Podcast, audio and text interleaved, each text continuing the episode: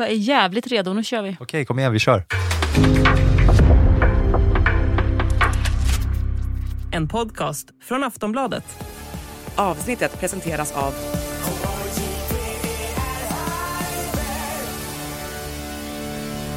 Stödlinjen.se, åldersgräns 18 år.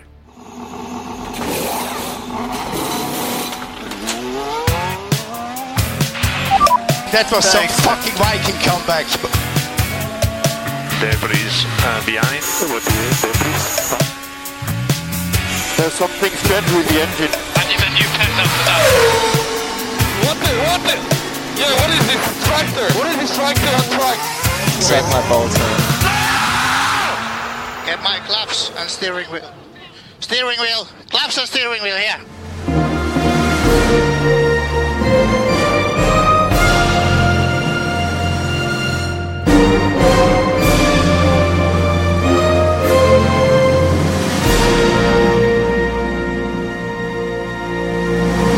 Welcome to America, säger jag. För att i helgen så ska vi racea i Austin, Texas, där de Formel 1-förarna rider in på hästar och i bilar som drar mycket bensin, i cowboyhattar med lasso och i cowboyvästar med fransar och det ena och det andra. Så är det alltid när det är spektakel i USA som vi idag ska djupdyka in på USAs historia i Formel 1 och deras framtid och hur det nu är så att det finns tre Formel 1-race i USA en och samma säsong. USAs intåg i Formel 1 är dagens avsnitt. Anna Andersson, har du varit på Formel 1 i USA? Nej, det har jag faktiskt inte.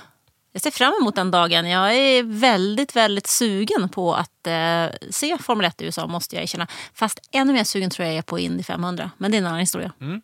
Ja, men de har ändå, när vi nu har gjort vår research, eller du, det här vet ju du såklart, som alltid, när jag har gjort min research så är det ju så att Indy 500 och Formel 1 är ju faktiskt sammanflätat när man tittar tillbaks i historien. Ja, men det är det ju absolut. Alltså Indy 500, om vi tittar tillbaks nu då, så var det ju den 107 upplagan som kördes tidigare. år. det där är ju ett supergammalt racing-event. Och när man bestämde sig för att starta en, ett VM i Formel 1 så var Indy 500 under tio års tid faktiskt en del av VM i Formel 1. Och eh, det var en ganska dramatisk tid kan man säga. För det är faktiskt åtta förare som har omkommit under träningar, kval och race under den här perioden fram till 1960. Och då är det ju så att man inte bara har kört på ovalbanan utan på Indianapolis Motor Speedway så är det ju även en bana som är med fler kurvor i mitten av det hela för att det är ett så stort ställe så att säga. Det är ju en golfbana i mitten av det där hela alltet också. Ja, men i början så var det faktiskt en ovaltävling. på tidiga tiden. Sen var det tillbaka en gång till i lite mer modern tid. Vi ska väl ta oss dit helt och hållet, men vi kan väl säga att eh, Ehm, vi kommer från en racefri helg och då vet ni som har hängt med oss många gånger att ibland så klämmer vi in lite specialavsnitt och här kände vi att inför liksom avslutningen på den här säsongen ehm, som avslutas två gånger i USA, eller avslutas två gånger, med två race i USA inom den här månaden. Det ska racas i Austin i helgen där, det ska eh, göras sprint och eh, vanligt race och sen så har vi ju då det storslagna racet i Las Vegas som vi också ska snacka upp sen. Men vi har tänkt att vi ska djupdyka lite på just, eh, göra en liten USA-special här inför USAs eh, GP. För det här är USAs Grand Prix fortfarande by name, även fast det har racats i Miami och ska racas i Vegas, så är det ändå ett som är USAs GP. Ja men det är det ju. Och det är ju, alltså Formel 1 har ju under många, många, många år, vi pratar om årtionden här, försökt att få ett rejält fotfäste i USA. Man har gjort jättemånga försök. Som sagt redan från början i samband med, med Indy 500 och sen även under 70-talet. Ni som eh, har minnen från den tiden minns kanske 1970. Reine Wiesel får hoppa in i en Lotus efter det att Jochen Rindt har gått bort på Monza.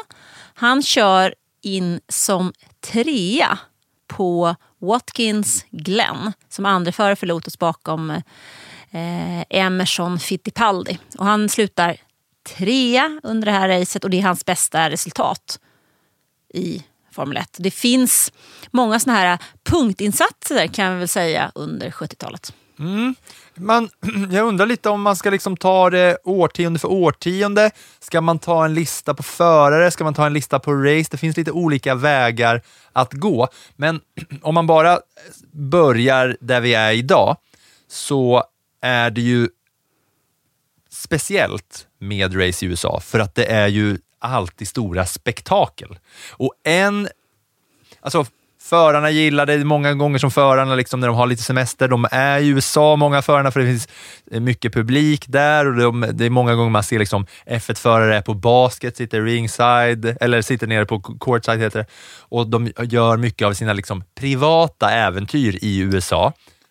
Och en numera då legendarisk presskonferens från många år tillbaka när Lewis Hamilton, Daniel Ricciardo, Fernando Alonso och någon mer sitter på podiet och får frågan om ni får välja en sak som ni vill addera till Formel 1 så sträcker Daniel Ricciardo, så sträcker Daniel Ricciardo på armarna och säger “Race in Vegas” och sen några sekunder senare säger Hamilton “Miami, race” och båda de önskningarna har då blivit sanna si och så många år senare. Fernando Alonso svarar på den frågan, equal engines for everyone, säger han. Men eh, det är en annan historia. Men som de då, så många år tidigare, det var när Ricardo körde Red Bull, som den här presskonferensen var. Han önskar sig ett Vegas-race, Hamilton önskar sig ett Miami-race. Nu finns det. Ricardo får dock inte uppleva Vegas-racet som det ser ut i nuläget. Nej, men det, där, är vi, där kliver vi någonstans in i någonting helt nytt. För det som, är, det som jag kan tycka är F1 i USA, det är att sen Liberty Media klev in i Formel 1 så har USA blivit en marknad som man ska ta.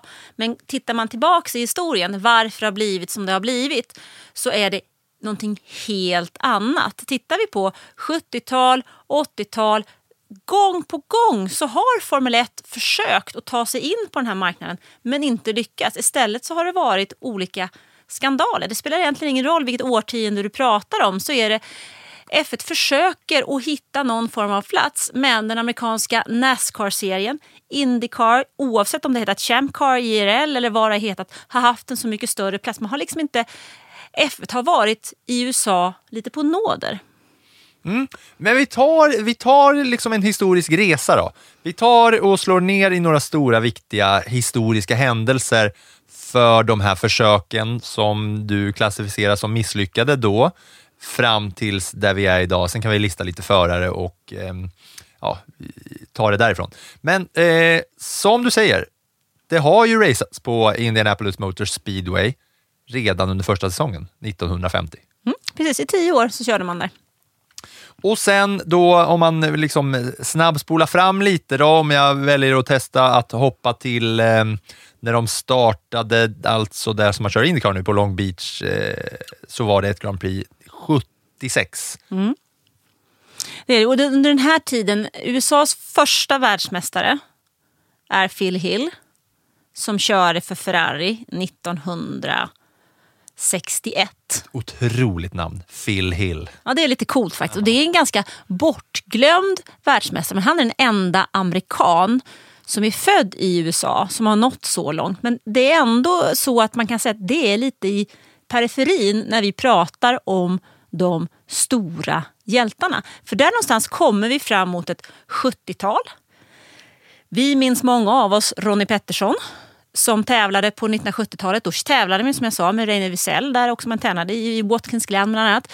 Mario Andretti är under den här tiden en väldigt stor förare i USA. Han är, har ju vunnit i han har vunnit Indy 500, han har vunnit Indycar. Han, har kör, han körde den här tiden väldigt många olika klasser. Men han bestämde sig i mitten av 70-talet på att enbart satsa på Formel 1. Och då var han superpopulär i USA bland den inhemska motorpubliken i USA för att han hade kört de eh, inhemska...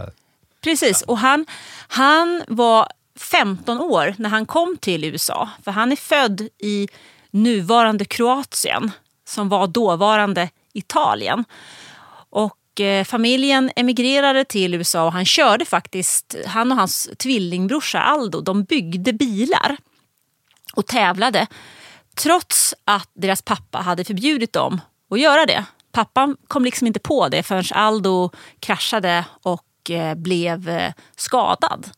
Så att eh, han vart vansinnig. Men de klarade av att leva den här lögnen ganska länge. För att eh, pappa var inte så bra på engelska. Så de klarade liksom av att, att ha en motorkarriär på väg som upp. han inte visste om. Nej, pappa Lite, lite som när Kenny Bräck som tioåring köpte sin första bil som han hade eh, bakom, eh, bakom huset inne i skogen på grusväg, som han köpte med sin kusin för 200 spänn. kan ni höra om i Kenny Bräck-avsnittet. Ja, men lite så här, det var verkligen lite, lite så. Pappa visste ingenting och pappa ville absolut inte vara med om någon, någon eh, motorkarriär för han tyckte bara att det här var väldigt, väldigt farligt. Sen när pappa insåg hur duktig framförallt Mario var och, och Aldo klarade sig sen också och eh, kunde också fortsätta tävla så småningom. Då gav pappa sin välsignelse. Men Mario Andretti och familjen Andretti är väldigt, väldigt stora.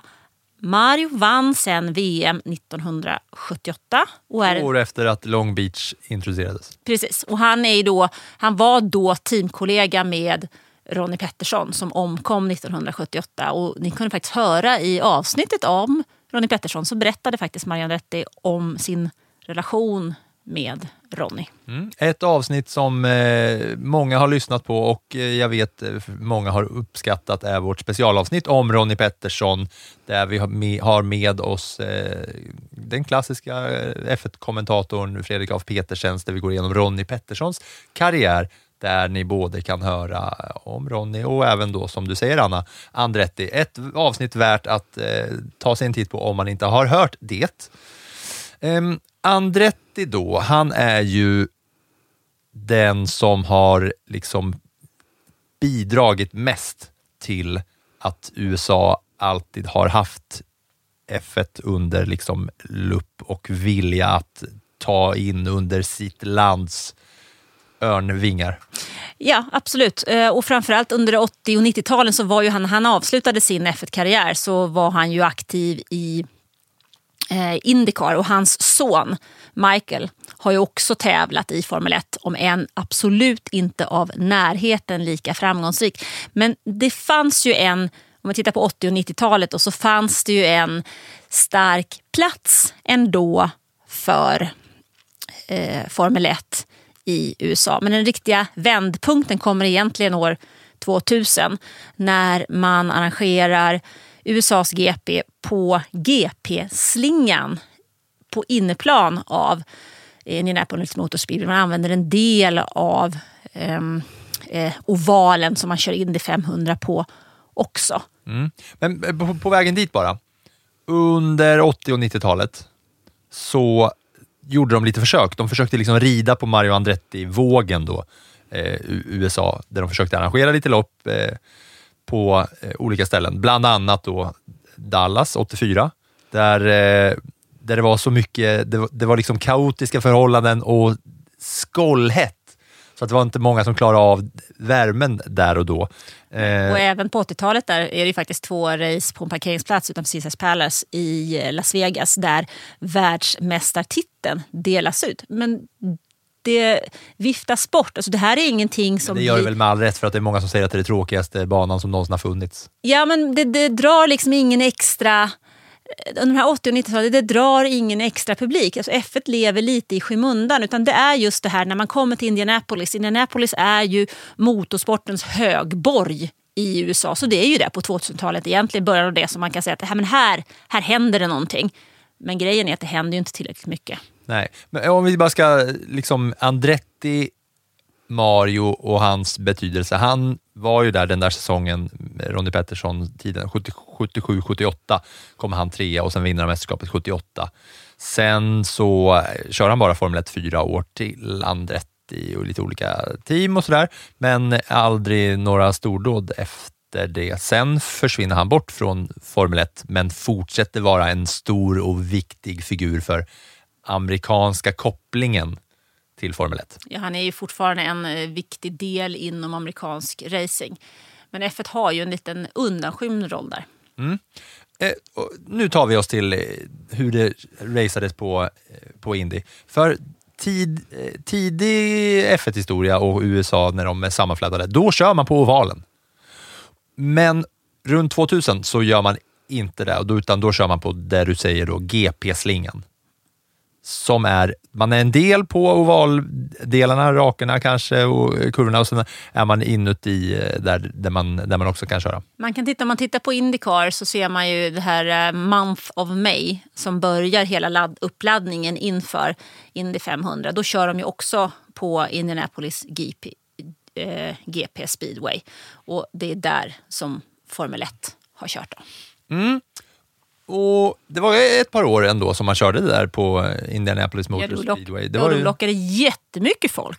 Alltså det, I och med att det är motorsportens eh, hjärta så var det otroligt mycket folk som kom och tittade på Formel 1. Men sen finns det ju en sak som förstör allting. Och då är vi framme vid 2005. mm, då hade man kört där 2000, 2001, 2002, 2003, 2004 innan man kommer till 2005. Och då var det liksom den stora däckkontroversen kanske den kallas, eller har det något namn? Eh, in, Indy Tiregate kanske, eller något sånt. Ja, Jag skulle säga att det är den stora däckskandalen Mm. i Formel 1 faktiskt. Den här vill jag höra om. Ja, men det är ju så att ehm, det är 20, vi är på 2005. Det är alltså det året som Fernando Alonso vinner sin första VM-titel. Och redan under fredagens träningar så är det så att Ralf Schumacher, bror till Michael Schumacher, han är med om en jättesvår olycka. Och olyckan eh, tillkommer efter det att däcket, däcken håller inte. Det är däcksproblem som leder till den här väldigt svåra olyckan på en av de otroligt svåraste eh, racerbanorna. Alltså det går fort på Indianapolis Motor Speedway så det här blir ju farligt helt enkelt. Och på den här tiden så finns det två däckleverantörer. Det är Michelin och det är Bridgestone. Och eh, Ralf Schumacher då kör en bil med Michelin-däck. Han kör en Toyota. Now, Ralph's in trouble. A left rear puncher spears him backwards into the wall, knocking him briefly unconscious and nearly taking Webber out. A second Michelin puncture in only a matter of minutes puts the tyre company under scrutiny. He appears bruised and shaken and is taken to the Speedway's medical centre for observation. Williams and Michelin look for clues to the incident from the wreckage. Och då blir det en kontrovers här. För Michelin, de vill att man ska bygga in en chikan för att göra det betydligt mer säkert för förarna.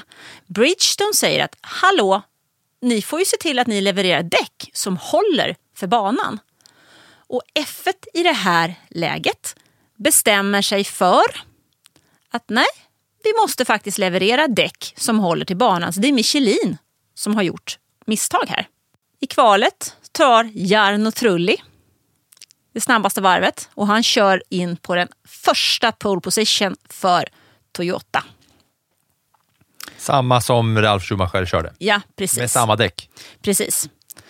Men när man har tittat på allt det här och går tillbaks så inser ju Michelin att de team som kör med deras däck, de kommer ju inte att klara av att ta sig i mål utan att de här däcken går sönder.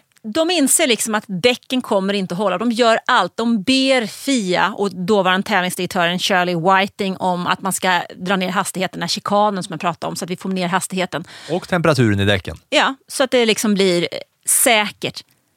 Men enligt Fias regelbok så kan man liksom inte göra den typen av förändringar. Och Michelin har ju inte uppfyllt kraven.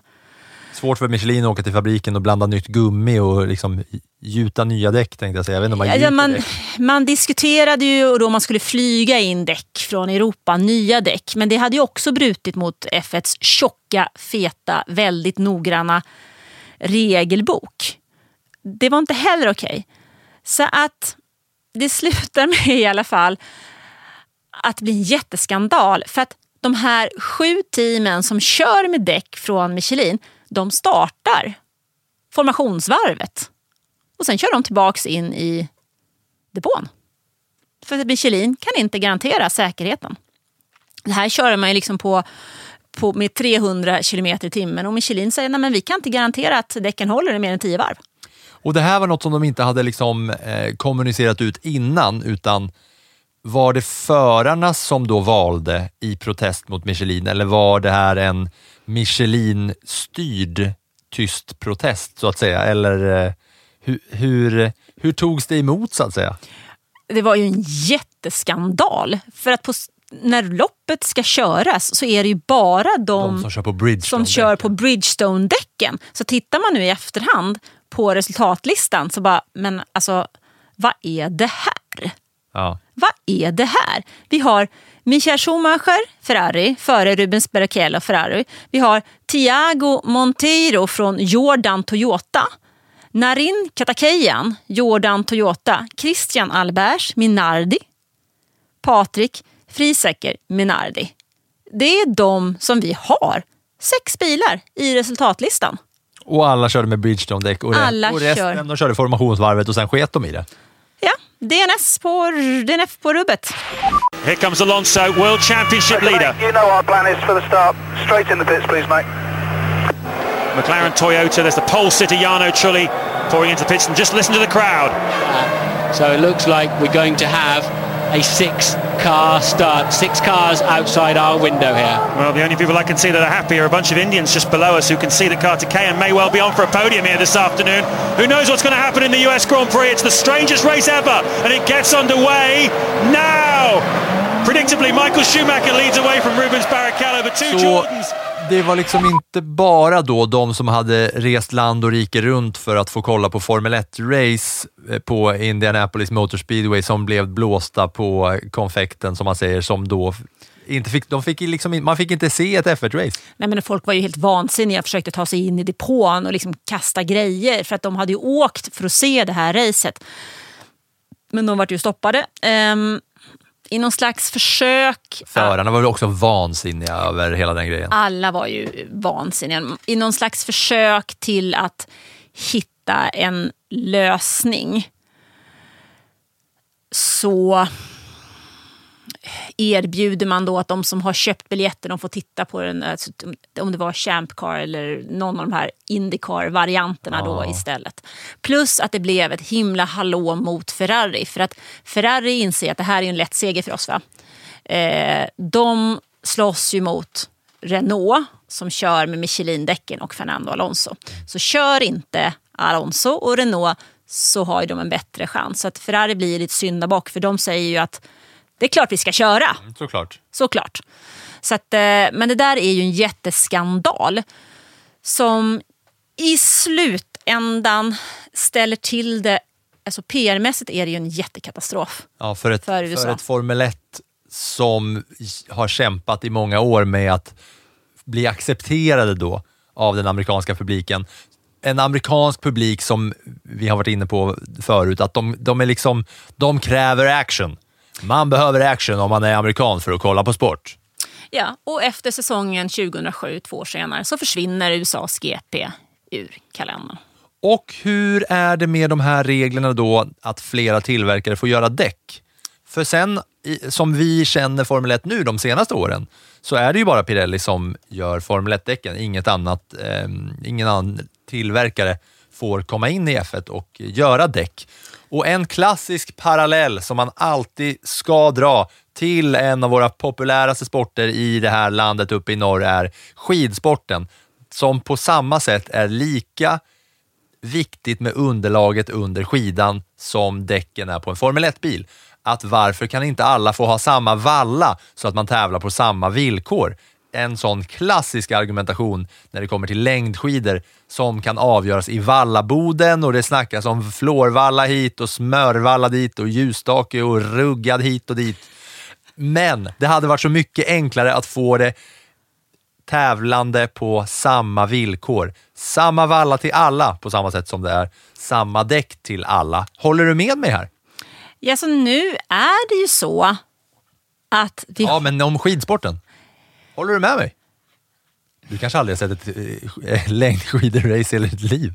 Det är klart att jag har sett längdskidor, absolut. Men jag, jag tycker väl att ehm, där är det lite, lite av spelets regler också. Jag tyckte faktiskt att det var lite kul i Formel 1 när man hade de här olika däcken, alltså det här svarta guldet, alltså det kunde göra skillnad. Men någonstans i Formel 1 eh, strävan efter att minska kostnader och bli mer hållbart så är det ju mer lämpligt kan jag väl säga att man har en Det hade varit roligt, nu får man ju välja på C1 och sen C2, C3, C3, bla bla bla. Det hade varit roligt om man fick välja märken också. Alltså, nu är det ju såklart att sådana stora brands är det är liksom en del av ett stort eh, PR-maskineri och att man ska sponsra hit och dit. Det hade varit kul om man fick välja. Att man hade alltid, man kunde inte välja C till C5 utan man kunde välja liksom Bridgestone 1, 2, 3, Michelin 1, 2, 3, Goodyear 1, 2, 3.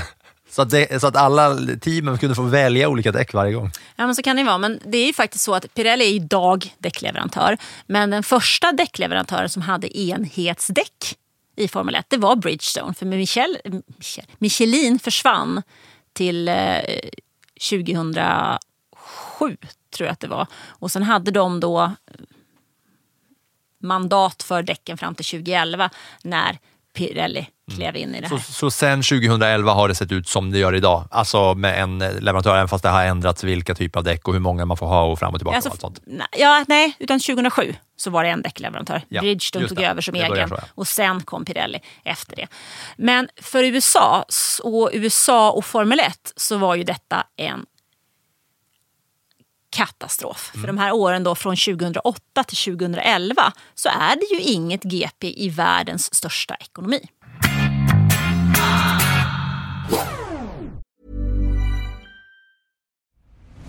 I'm Nick Friedman.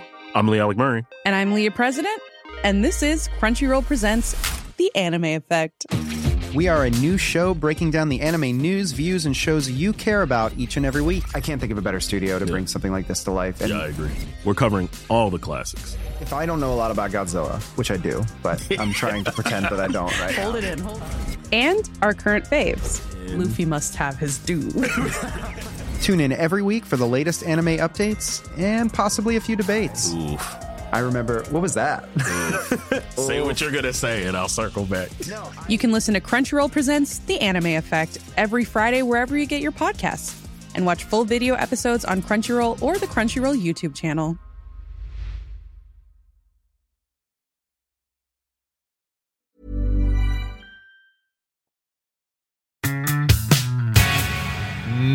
Men sen händer grejer 2012. 2012 ja, så ritar då husarkitekt Hermann Tilke från Tyskland en ny F1-bana. Husarkitekt Herman Tilke. Ja, han är ju F1s husarkitekt. Ah, han som- jag, tänkte att han, att, han var, att han ritade hus. Nej, nej, F1s husarkitekt. Alltså den arkitekt eh, och arkitektfirma Som, på samma numera. sätt som man säger husets vin så är det liksom husets Ja, men arkitekt. den, precis. Den arkitekt, go-to-arkitekten, eh, är ju Hermann Tilke från Han hade eh, säkert kunnat rita ett annat hus om man behövde också. Tyskland. Ja, ja, han började som... Eh, Husarkitekt. ja, han började faktiskt designa soptippar, vilket är helt fantastiskt. Otroligt. Ja, men eh, han och hans son eh, är ju de som ritar de nya F1-banorna. Eh, bland annat den som vi har sett i Saudi senast. Eh, men Tilke ritade den här också. Och eh, där hade man då premiär år 2012 och man skrev direkt ett långt kontrakt, för det här är ju en tid när Bernie Ecclestone styr i USA. Man vill ju så himla gärna in på den här marknaden. Alltså, så man skrev ett, ett kontrakt ända fram till 2021. Och det är på samma bana som vi känner idag där det eh, raceas med den långa raksträckan upp för backen mot den amerikanska flaggan. Precis, precis. Man försökte sen också få in ett i New Jersey till 2014 men det blev ju ingenting. Ehm, man har försökt liksom att hitta vägar in. Men den stora vägen in till USA den kommer ju från och med 2017. Det är till och med så pass att många av de här åren på, i Austin hade man jätteproblem att sälja biljetter. Så man bjöd in olika typer av artister och försökte liksom sälja konsertbiljett. Så får du se F1 också. Bland annat så var Taylor Swift där. Och då var det liksom folk som gick för och köpte biljetten till hennes konsert. För att hon har ju inte, hade inte så många konserter Fan vilken, USA. fan vilken dröm två för en det där hade varit för mig. Jag hade liksom velat se båda, men eh, det hade varit den ultimata om jag var i USA då under den tiden, vilket jag fan var. Vilket år var det här om man kunde få se på Taylor Swift och på Kota? Liksom. Kanske att jag var i USA då. Jag har dock aldrig varit i Texas. Jag har varit jäkligt mycket i Kalifornien, Vegas ett par gånger och New York och Nashville och sådär och jobbat. Men alltså, eh, Taylor Swift är ju en av mina absoluta favoriter och Formel 1 är ju ett av mina nutida absoluta favoritsaker. Fan vilken, det, är liksom, det känns som att den är handgjord för mig. 2016. Två för en. Ja, då var jag i USA. Vad Varför var du inte I där? tre då? månader i, USA, i eh, LA. Helskotta. Ja, hon eh, delivered a knockout concert, Ja. Såklart. Som alltid, den, den goda. Ja, Okej, så då för att locka publik till Kota, det är inget som de behöver göra nu längre? Det är ju inte riktigt det. För ett år senare, efter Taylor Swifts konsert där, så köper Liberty Media, som är ett amerikanskt eh, mediaföretag. Det har vi varit inne och liksom eh, småbabblat om lite här och där i diverse avsnitt. Men Liberty Media är ju alltså de som äger rättigheterna till TV. eh, det de, äger, de äger rättigheterna till namnet. Alltså, de äger Formula One Group. De äger F1. Ja, det är, det är så stort så att det inte går att greppa ens, även fast jag vet om vad som gäller och vi har pratat om det många gånger. Men de kliver in med en liten plånbok. Ja, Alltså, det är ju ändå helt sjukt. va? 4,4 miljarder kronor. Nej, 4,4 miljarder dollar. Vad är det då? 47 miljarder kronor. Alltså hur mycket pengar är inte det? Och det är väldigt mycket pengar. Ja, och då eh, kommer Liberty Media och Netflix kommer och Alltså Netflix kommer ju senare. Utan det är ju, eh, de får ju en briljant idé. Eh, Att man ska sälja och öppna upp Formel 1. Alltså deras tanke, Liberty Medias, är ju att man ska öppna upp med sociala medier, med den här reality-serien då, Drive to Survive, som från början var tänkt att följa ett team.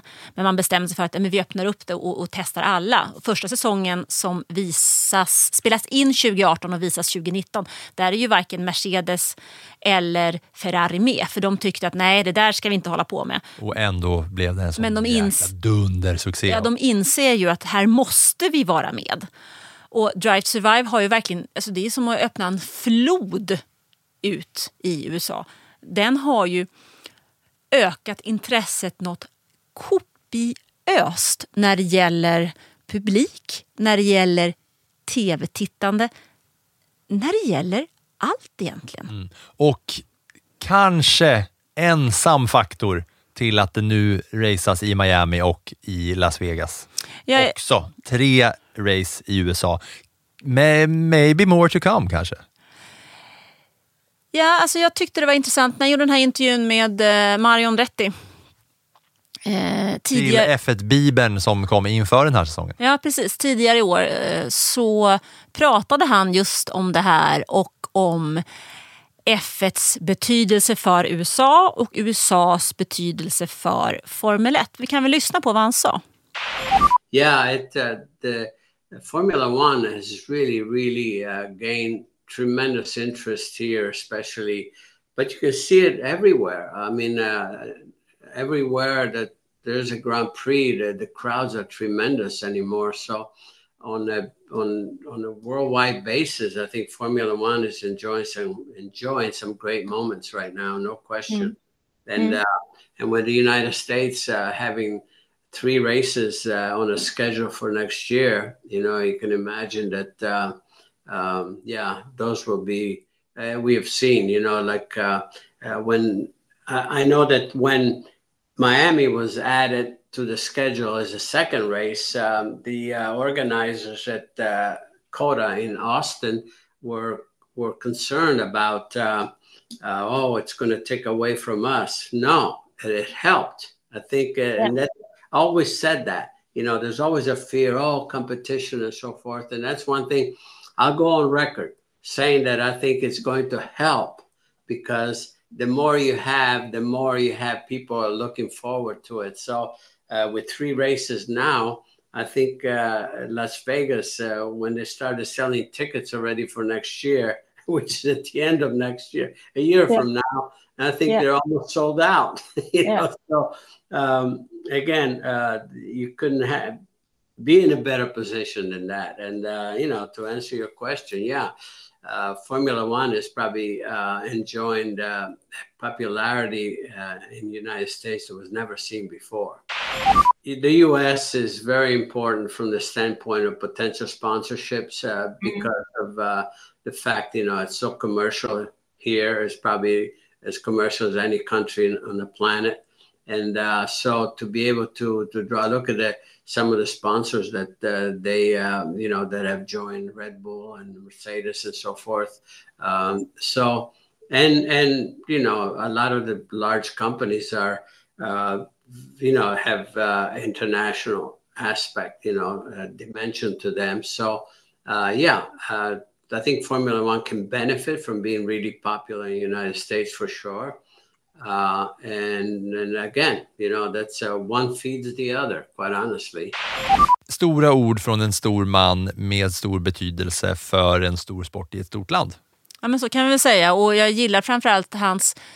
Trots att han nu börjar komma till åren så är han ju pigg och storsint. Hans son Michael har ju, har ju team i Formel E, Extreme E och Indycar. Och han vill ju verkligen in i Formel 1. För de ser ju möjligheterna och han jobbar ju stenhårt. Har ju också anmält sig för att kunna med General Motors och Cadillac komma in i Formel 1. Och intresset ökar ju från alla. Vi ser ju bara en sån enkel sak som att Ford nu har ett tekniskt samarbete med Red Bull från och med nästa eh, regelverk som kommer när det gäller motorerna 2026. Och Ford har ju tidigare varit en del. Mm. Men det var ett tag sedan det var amerikanska fingrar med i spelet utöver Haas. Ja, men det var det ju. Alltså, Ford har ju varit med och kört alltså 176 race-segrar har de tagit. De har vunnit 13 förar-VM och 10 konstruktörsmästerskap. På ett eller annat sätt har de varit inblandade i. Förare som Jackie Stewart, Graham Hill, Mario Andretti, James Hunt nämns i samband med Ford. Michael Schumacher vann sin första VM-titel med en motor från Ford som har ju varit en stor del i Formel 1. Och Ford var ju fram till och med 2004 representerade i F1 av Jaguar. Och Jaguar är det teamet som Red Bull köper till säsongen 2005. Så på något sätt så sluts ju ändå Red Bull Ford-cirkeln här till 2026. Så det finns ju någonting. Vi säger liksom HAS nu lite slarvigt, liksom has är amerikansk F1. Nja, hmm, det kanske har varit så sedan de kom 2016 men det finns ju någonting annat längre bak och det är, kan vi väl tacka då Drive to Survive, Liberty Media och hela den här nya, de tre nya racen för det uppsvinget som sporten har fått i USA. Om man gillar att det är så ska man tacka det. Sen så finns det säkert folk som inte gillar att det är tre race i USA, att eh, man eh, liksom böjer sig för att ta eh, USAs eh, liksom, ja, vilja. Sam samtidigt, eh, tre race i USA, ett i Kanada. Det är fyra race på en stor nordamerikansk kontinent. Lägger vi till Mexiko, så är det fem. Vad har vi i Europa då? Alltså där har vi också, visst det är i Europa är ju hjärta och så vidare. Det är där Formel 1-historien börjar. Men herregud, vi har race liksom i, i England i Belgien, i Holland, i Spanien eller problemet Nederländerna. Är väl, problemet, är, problemet är väl att om du jämför Miamis GP till exempel, som körs på en parkeringsplats, med alla race i Europa. Miamis körs på en parkeringsplats? Ja, det är typ på parkeringsplatsen utanför Hard Rock-arenan, där NFL-arenan, i princip. Även fast de ändå nosar på lite andra ställen också. Inte som Caesars Palace-tiden, men om man jämför den banan med alla banor i Europa, Ja, jo, Monaco GP är ju skitrolig. Ja, ta bort den då. Så är det ju, så här, visst de tycker att det är coolt där och jänkarna kan ju slå på stora trumman som ingen annan kanske ändå när det kommer till spektakel. Men ibland är de ju snett på bollen också när de, när de ska liksom köra sådär. Jag tänker bara på hela haveriet kring alla skulle komma in till Will.i.ams fake-dirigerande i Miami och förarna tyckte att lägg av med det här jävla och låt det som har varit bra fungera igen. Lägg av med det här och försök att skit i alla de här nymodigheterna. Försök att få det som har varit gammalt att fungera först. Ja, men så, visst kan man tycka att låt det som har varit bra, är bra fungera men vi måste ju också se att det här är en sport som på något sätt måste utvecklas och då kan jag tycka att Kanadas GP till exempel, det älskar jag. Det är fantastiskt. Mexikos GP där man kör i den här gamla baseballstadion. Det är också otroligt läckert. Ja, då har vi tre kvar i USA. Men det är fortfarande så att någonstans, jag tycker inte att det är fel att se på nya möjligheter. Sen om det ska vara tre lopp framöver eller om man kanske ska ta, dra ner det till två. Ja, det tycker jag på något sätt så får man titta över och se över och förändra. Men vi ska ju inte ha sju lopp i USA, absolut inte. Men det vi har framför oss den här helgen är ju ändå the race ändå. Ja, på något sätt är det även om jag... Miami har inte liksom, visst att det är ett stort, alltså det kommer mer kändisar och det får mer exponering för att det är så coolt att det är i Miami. Och Vegas ska vi väl inte ens börja med för att det får väl ett helt avsnitt om allt som kommer kretsa kring Vegas eh, GP om några veckor. Men just att det här är ändå racens race. Racens... På den här banan. Ja, på den där banan. Men sett till USA så är det det på något sätt. Sen tycker jag inte alltid att den banan är sådär jätterolig. Men jag är lite spänd på att få se vårt fantastiska sprintformat. Nu hörde du in- ironin va? Mm. Men få se hur den amerikanska publiken tar emot det faktum att det är då kval lördag, Det känns, som att, man shootout. stopp, det känns som att, att de har stoppat in rätt förvirrade, liksom snurriga system för att få action på rätt ställe i alla fall, för att det här kommer jänkarna uppskatta. Det är jag också rätt eh, övertygad om. Något som jag måste säga att jag är besviken på än så länge är sättet som de introducerar racen på med nationalsång i USA, som alltid är en stor grej. Till exempel om man kollar på Super Bowl, hur liksom halftime showen är lika stor del av eventet som själva matchen om man kollar på Super Bowl. Men framförallt alla de legendariska Star Spangled Banner performancen som är inför racen. Det har inte varit något rejält än. Det har varit lite lama försök på F1-racen i USA. Ja, vi får väl se helt enkelt eh, vad som kommer. Får vi ta dit Taylor Swift igen. Det gick ju bra sist. Ja, jag vet inte om hon riktigt har den talangen som krävs för att liksom, eh, mäta sig med de allra största. Vill du att jag ska ranka mina Star Spangled Banner eh, favoritperformances eller? Ja, gör du det? Beyoncé 2004. Eller som Jan Guillou säger, Beyoncé. Beyoncé. Eller Beyoncé.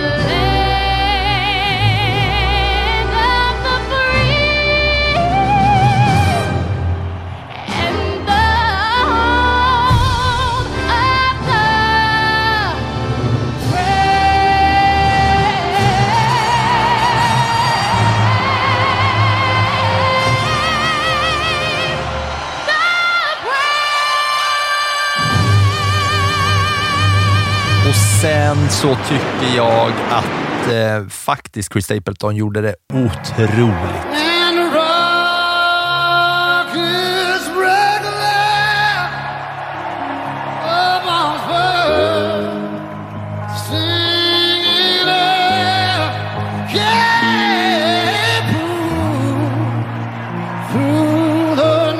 Tvåa Whitney Houston 91. Den är bara pure magi.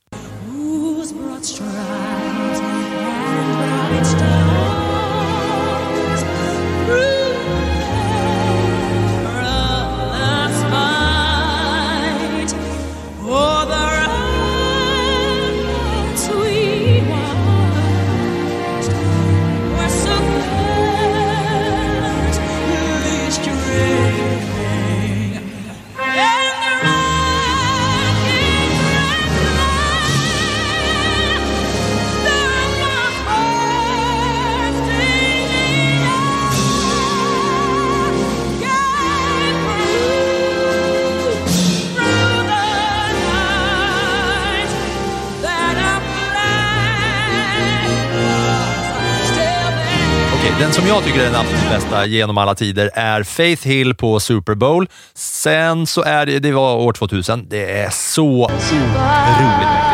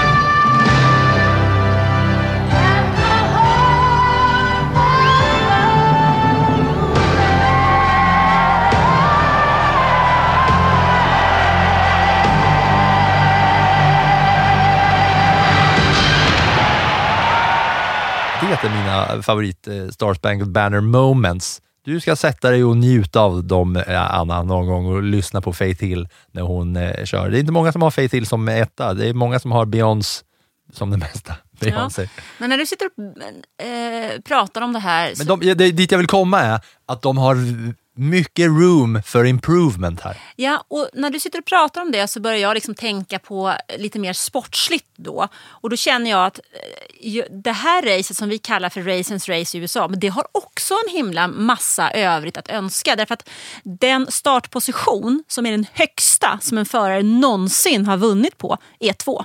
Det betyder att alla som har vunnit det där racet har startat i första startled. Och det känns ju inte sådär superintressant. Vi har vunnit alltså högsta startposition, två. Ja, det är, fan, det är fan otroligt. Ja, det är otroligt. Och är det så att man måste stå i första startled för att vinna så kanske det kan vara lite upplyftande med en sprinthelg i alla fall. Okej, okay. ja, där sålde du in det bra. Jag ska lista alla race som har varit i USA. Okej, vi börjar med Indy 500-banan som vi har pratat om. Sen så är det första officiella F1-loppet var på Sebring International Raceway Florida 59. Sebring, Sebring. Hur skulle du vilja säga det? Sen flyttar man det till Riverside International Raceway i Kalifornien. Och sen blev det Watkins Glen som du nämnde, från eh, 61 till 80. Caesars Palace, mellan 81 och 82 så körde man på den här deppiga parkeringsplatsen vid Caesars Palace Hotel i Vegas och där i krokarna kommer man ju racea snart igen om några veckor.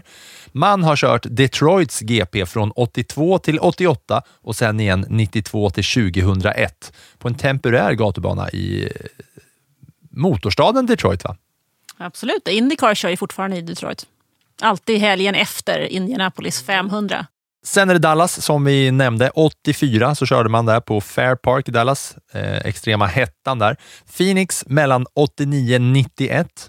Phoenix Grand Prix. Också en eh, street circuit. Jag vet inte varför jag inte kan säga gatubana. Stadsbana. Stadsbana är väl inte så himla svårt? Nej, det är sant. Och sen då de här racen som var på, eh, på Indianapolis Motor Speedway mellan 2000 och 2027. Sen har vi Kota och Miami och nu snart igen, eller nu snart, ja, snart igen Vegas. Då. Mm. Men det är en lite mer, det är en lite coolare bana som ska köras i Vegas och vi kommer väl prata inför Vegas om massa sjuka grejer som har hänt där inför biljettpriser och eh, saker som laddas upp eh, där. Men där har du eh, racen som har varit i USA. Mm. Vi ska komma ihåg att de här två, där var du faktiskt inte med de två. Hade du med de två på Caesars Palace, mm. 80-talet? Mm, 81-82. Ja. Det sa jag. Det var, det var jag som somnade mitt i den här långa jag, genomgången. Jag kan säga till er som lyssnar att Anna satt verkligen, lutade sig tillbaka på stolen, gäspade när jag sa nu ska jag lista de här.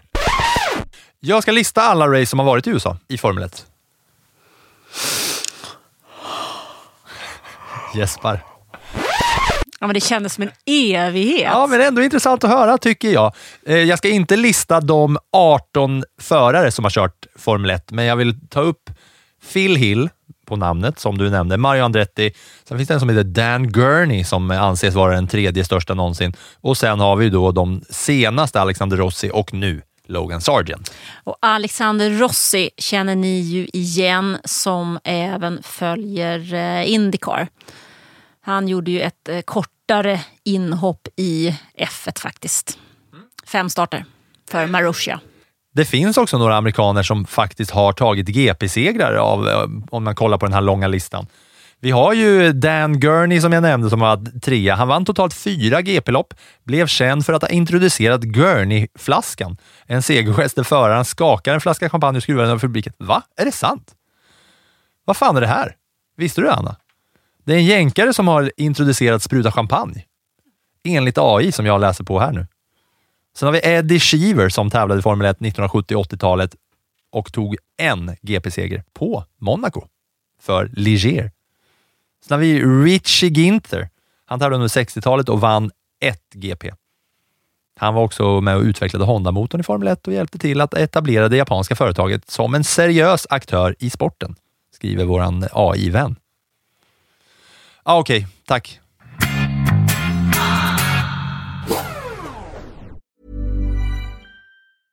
Finding your perfect home was hard, but thanks to Burrow, furnishing it has never been easier. Burrow's easy to assemble modular sofas and sectionals are made from premium, durable materials, including stain and scratch resistant fabrics. So they're not just comfortable and stylish, they're built to last. Plus, every single Burrow order ships free right to your door. Right now, get 15% off your first order at burrow.com slash ACAST. That's 15% off at burrow.com slash ACAST.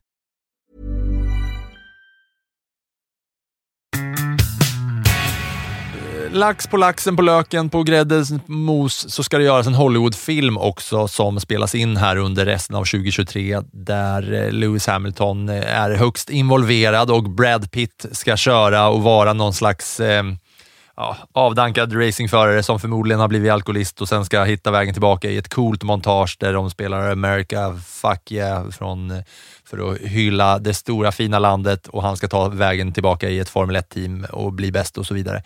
Kör i ett team som heter Apex, verkar det som att det har läckt ut, men man vet inte vad filmen heter.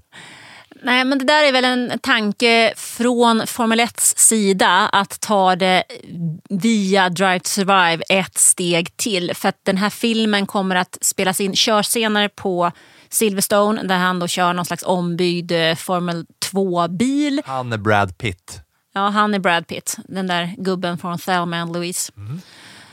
Och sen ska de även filma i F1-depån, lite alla Drive to Survive och det kommer de då följa under säsongen. Och Lewis Hamilton är med som någon slags rådgivare för att göra detta då till en, en riktigt bra racingfilm. Och Hamilton har ju varit delaktig till att få det här möjligt, att få in det här filmteamet. Han har liksom varit involverad på det sättet. Han har typ varit med och plockat eh, vilka som ska Alltså han har varit med och castat liksom, vilka som ska spela de här olika.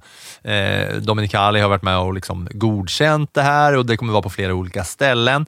Och det sägs ju även att Brad Pitt har kört på riktigt då, att han har kört över 1000 kilometer i den här F2-bilen för att det ska kunna bli så verkliga scener som möjligt. Det har ju, alltså, det här har ju hänt i kampsportsvärlden också. Det görs en film om UFC med Jake Gyllenhaal som i år då under en UFC-gala, alltså UFC eh, är ju kanske en eh, sport som alla inte kollar på som följer vår podd, men det är ju MMA-världens liksom högsta organisation. Och där är det ju galor så att säga. Under en kväll så är det väl kanske liksom 15 olika fighter i, i den här buren och det är stora arenor som, som man kör där. Och då under, den här, under det här året så har de då på samma sätt gjort filmscenen till den här filmen med en då superrippad Jake Gyllenhaal som då kliver in på riktigt mellan två riktiga fighter där de då gör den här Hollywood-filmen när han kommer in. Så har man inte koll på den när man sitter i publiken så bara helt plötsligt så är Jake Gyllenhaal där superrippad i exakta UFC-kläder och då står det fake. Eh, du tror att det är någon som inte har koll som sitter där? I publiken? Ja. Absolut. Ja, ja, ja, 100 procent som inte har koll på att den här filmen ska spelas in. Och på samma sätt då gör de nu, eh, ja, här med F1-grejen då, att det kommer ske under de riktiga eventsen fast fake mm. göras. Liksom. Producenten bakom det här kanske ni har koll på, han heter Jerry Bruckheimer och han... Håller vi mer koll på hans filmer? Ja, typ Pearl Harbor, Pirates of the Caribbean, Top Gun, Top Gun Maverick, Top, eh, Flashdance, Armageddon. Pearl Harbor tänker jag Michael Bay. Det undrar jag. Det kommer jag ihåg så mycket från att eh, när den kom så var det folk som hade tejpat för affischerna, så det stod ju aldrig Pearl Harbor, det stod Rejäl Häpböp. Hade de, det, det sitter med ett sånt minne från min barndom, att när alla affischer runt om som jag såg för Pearl Harbor stod det att det var Rejäl Häpböp. En Michael Gay-film stod det överallt. Skit samma i det där, för det är, nu är vi liksom ute och sladdar utanför vårt eh, fokusområde som är Formel 1 i USA, där det nu i hel helgen ska raceas på Circuit of the Americas. Anna, vill du säga något mer innan vi tar oss ut här? Den här jävla filmen fick, jag känner redan att även om vi bara nämnde den i 43 sekunder så fick den alldeles för mycket av vår uppmärksamhet. Klipp, klipp, klipp. Nej, ni får höra det. Vi tackar för idag eller och så ser vi fram emot den här förvirrade sprinthelgen och nästa vecka kommer ni få höra oss försöka summera det här och även snacka upp Mexikos GP som är kommande race nästa vecka. God dag och kväll och natt och ha det fint allihopa. Vad kul det är att ni är med och lyssnar på oss varje vecka. Tack för idag and goodbye.